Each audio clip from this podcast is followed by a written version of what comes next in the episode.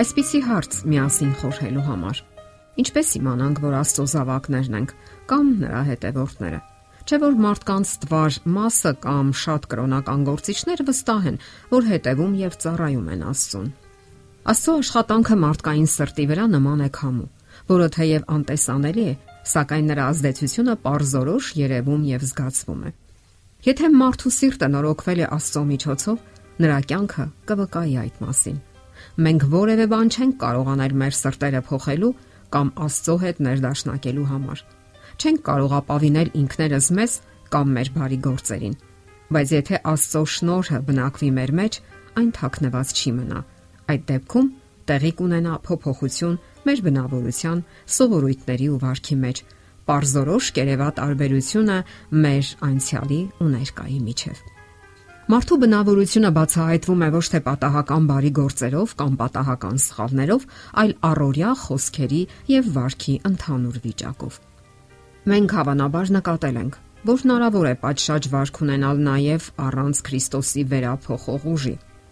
Ազդեցություն թողնելու եւ գովեստի արժանանալու ձգտումը ինքնահարգանքը կարող են մարդուն դրթել, որ խուսափի չար արարքներից։ Ես ասեր մարդն անգամ կարող է ազնիվ արարքներ գործել։ Ուրեմն, ինչպես որոշել, ով է տիրում մեր սրտին, ում հետ են մեր մտքերը, ում մասին ենք սիրում զրուցել, ում են ուղված մեր ամենաջերմ զգացումները։ Եթե մենք Քրիստոսինն ենք, մեր մտքերը նրա հետ կլինեն։ Մեր ամենակախցր խոհերը նրա մասին մենք կփափագենք նրան նմանվել, ապրել նրա շնչով, կատարել նրա կամքը եւ նրան հաճո լինել մեր բոլոր գործողություններում։ Նրանք, ովքեր նոր մարդ են դառնում Քրիստոսի միջոցով, կդրսևորեն հոգու պտուղը՝ սեր, ուրախություն, խաղաղություն, երկայնամտություն, քաղցրություն,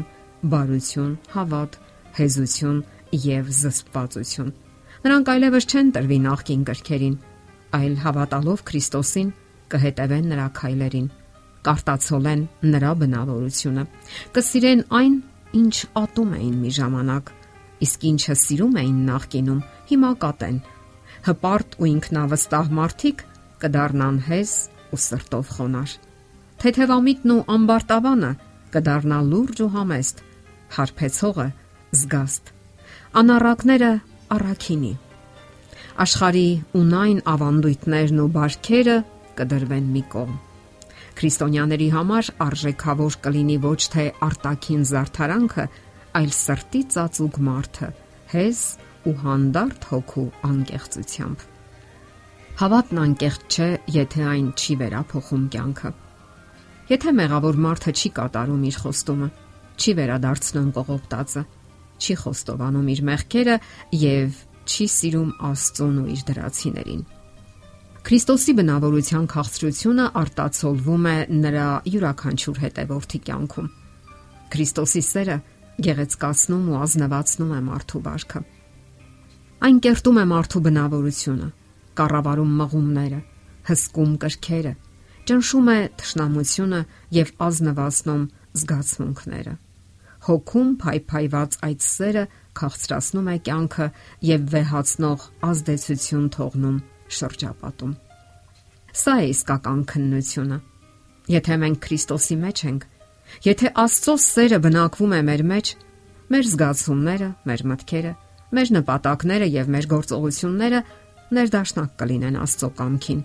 որը արտահայտված է նրա սուրբ օրենքի պատվիրաններում։ Ոմանք վստահ են, որ սիրում են Աստծուն, բայց պարտադիր չեն համարում Աստծո օրենքը պահելը։ Քրիստոսի հանդեպ հավատը, որ մարդուն ազատում է Աստծուն հնազանդվելու պարտականությունից, ոչ թե հավատ է, այլ մեծամտություն։ Շնորհով ենք փրկված հավատի միջոցով, բայց հավատը, եթե գործ չունենա, մեռած է։ Նախքան երկիր գալը Հիսուսն իր մասին ասաց. Քո կամքը կատարել կամեցա ով Աստված, եւ քո օրենքը իմ սրտի մեջ է եւ իր համբարձումից անմիջապես առաջ նա կրկին հրճակեց. Ես պահեցի իմ հոր պատվիրանները եւ մնում եմ նրա սիրո մեջ։ Հավերժական կյանքի պայմանը այժմ էլ նույնն է, ինչ որ միշտ եղել է, ինչ որ կար դրախտում, նախքան մեր նախածնողների անկումը։ Կատարյալ հնազանդություն Աստծո օրենքին, կատարյալ արդարություն։ Աստվածաշունչն ասում է, որ դևերն են հավատում եւ սարսափում, բայց դա հավատ չէ։ Հավատն այնտեղ է, ուր սիրտը նվիրված է նրան, ուր հույզերը կենտրոնացած են նրա վրա։ Հավատ, որը գործում է սիրով եւ մաքրում է հոգին։ Այս հավատի միջոցով է, որ սիրտը նորոգվում է Աստծո պատկերով։ Հաճույքով հնազանդվում է պատվիրաններին, սաղմով սերգուի հետ բացականչելով։ Որքան եմ սիրում քո օրենքը, ամեն օր այն է իմ մտածմունքը։ Մեր թերությունների ու սխալների համար գուցե հաճախ ստիպված լինենք խոնարհվել եւ արտասվել Հիսուսի ոտքերի մոտ, բայց պետք չէ վհատվել։ Նույնիսկ եթե հաղթվել ենք ճշնամուց, Աստծո կողմից թողնված, լքված ու մերժված չենք։ Քրիստոսը Աստծո աչ կողմն է, որ բարեխոսի մեզ համար։ Հիսուսի սիրելի աշակերտը Հովանեսը ասել է. Սա գրում եմ ձեզ, որ չմեղանչեք։ Իսկ եթե մեկը մեղանչի, բարեխոս ունենք հոր մոտ։ Հիսուս Քրիստոս արթարին։ Եվ մի մոռացեք Քրիստոսի խոսքը։ Հայրն ինքը սիրում է ձեզ։ Նա ուզում է ձեզ իր մոտ վերադարձնել իր մաքրությունն ու սրբությունը արտացոլված տեսնել ձեզանում։ Ավելի ջերմեռան դաղոթեք,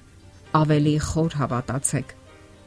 Եկեք չվստահենք մեր սեփական ուժերին, վստահենք մեր փրկչի զորությանը եւ փառավորենք նրան։ Որքան մոտենանք Հիսուսին, այնքան ավելի սխալական կերևանք մեր աչքին, քանի որ մեր տեսողությունը ավելի կպարզվի, իսկ հակադրությունը մեր անկատարության եւ նրա կատարելության միջև ավելի հստակ ու որոշակի կդառնա։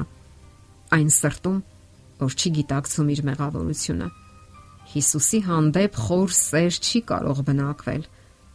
Քրիստոսի շնորհով վերափոխված հոգին կհիանա նրա աստվածային բնավորությամբ բայց երբ մենք չենք տեսնում մեր սեփական բարոյական արատները, Դա ակնհայտ վկայություն է այն մասին, որ դեռ չենք ըմբռնել Քրիստոսի գեղեցկությունն ու գերազանցությունը։ Որքան քիչ բան տեսնենք մեր մեջ գովեստի արժանի, այնքան կգնահատենք մեր փրկչի անսահման մաքրությունն ու քաղցրությունը։ Մեր մեղավորության գիտակցումը դրթում է մղվել դեպի նա, ով կարող է ներել։ Եվ երբ հոգին զգալով իր անօքնականությունը փնտրի Քրիստոսին, նա կդրսևորի իր զորությունը։ Որքան շատ գիտակցենք մեր կարիքը նրա եւ Աստծո խոսքի հանդեպ, այնքան ավելի վեհ պատկերացում կունենանք նրա բնավորության մասին եւ այնքան ավելի հստակ կարտացոլենք նրա պատկերը մեր մեջ։ Եթերում է ղողանջ հավերժության հաղորդաշարը։ Ձեզ հետ է գեղեցիկ Մարտիրոսյանը։ Հարցերի եւ առաջարկությունների համար զանգահարել 033 87 87 87 հեռախոսահամարով։